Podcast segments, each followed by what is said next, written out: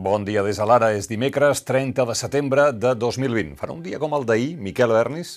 Bastant similar, però amb una mica més de calor al migdia. El sol predominarà només amb núvols prims a la meitat sud de Catalunya. Demà serà el dia més càlid de la setmana, però divendres el pas d'una profunda borrasca obrirà les portes al fred altra vegada. Pere Aragonès ha convocat per avui a les 9 del matí un Consell Executiu extraordinari per aprovar el decret que el doti dels poders de president suplent i inaugura així la nova etapa d'interinatge a la Generalitat. Serà la primera reunió de govern sense el fins ara president Quim Torra i com a gest simbòlic la seva cadira estarà buida. El govern havia considerat requisit necessari que el BOE i el Diari Oficial de la Generalitat publiquessin el cessament del president per procedir a la seva substitució pel vicepresident Pere Aragonès. La Moncloa, però, va considerar ahir que no calia, perquè era una sentència i, per tant, el president ja està inhabilitat directament. D'aquesta manera, el rei Felip de Borbó i el president Sánchez s'estalvien firmar el cessament del president de la Generalitat. Per cert, que sobre això podreu llegir un article del catedràtic Javier Pérez Royo amb un títol prou clar una sentència infama. Diu Pérez Royo, és evident que el president Torres va negar donar compliment a una ordre de la Junta Electoral Central, però també ho és que amb això no va cometre cap delicte. Perquè fos delicte, el president Torra hauria d'haver rebut una ordre del Tribunal Superior de Justícia de Catalunya que li imposés el compliment d'aquesta obligació. Això és una cosa que els magistrats del Tribunal Suprem no poden no saber, diu Pérez Royo. Forma part dels coneixements elementals que s'adquireixen en l'estudi de la llicenciatura. Segur que recordeu allò de Madrid és Espanya dins d'Espanya, que és Madrid si no és Espanya, de la presidenta regional madrilenya Isabel Díaz Ayuso. Doncs bé, ahir tota aquesta retòrica es va fer realitat.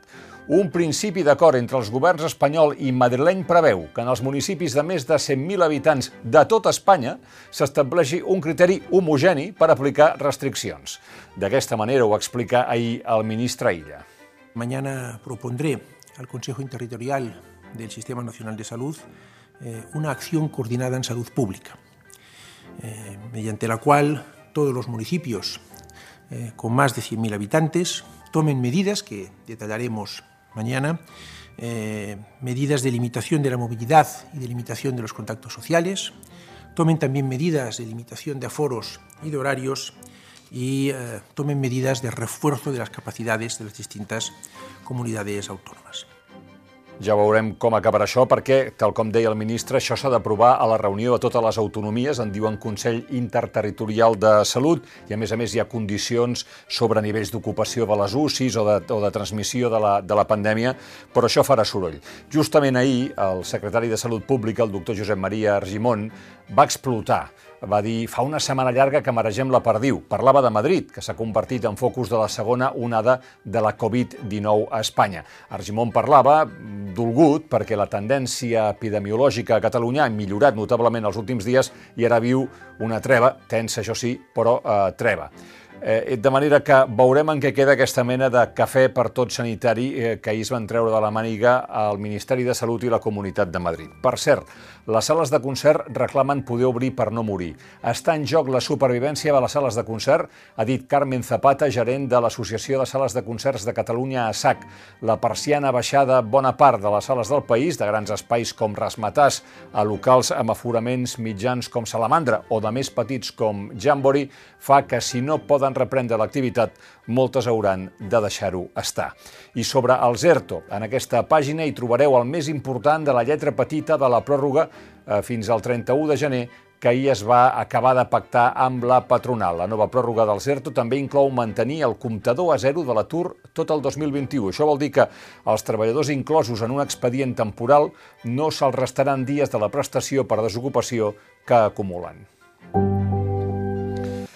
Una notícia que posa de mal humor de bon matí. L'Audiència Nacional ha acordat l'absolució dels 34 acusats pel cas Bànquia arran de la sortida a borsa de l'entitat financera el 2011, entre els quals eh, l'expresident del banc, Rodrigo Rato. Segons la sentència, l'operació va tenir l'aprovació de tots els reguladors i el full de sortida contenia informació financera àmplia i certa. Sí, serà així, però la broma ens va costar més de, dos, de 22.500 milions del rescat i va acabar amb els estalvis de molts molts petits estalviadors que potser no van entendre aquestes informacions que estaven tan ben detallades segons la sentència.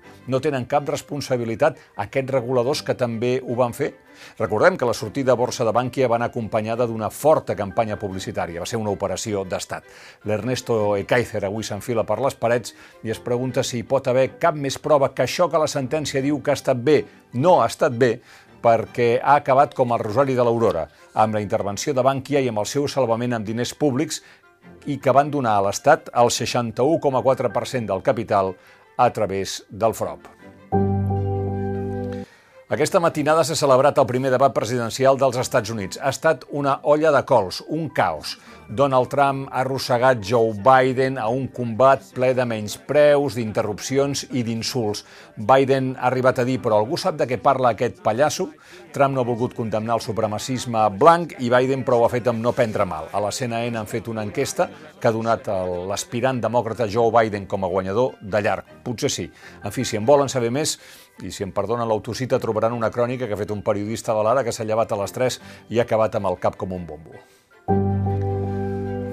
Els esports, Messi s'ha despenjat amb unes declaracions a l'esport en què demana unitat i diu que si va cometre errors va ser pel bé del Barça i que el seu compromís amb l'escut i la samarreta blaugranes continuen intactes. Mentrestant, ja han començat a validar a Can Barça les més de 20.000 signatures de la moció de censura al president Josep Maria Bartomeu.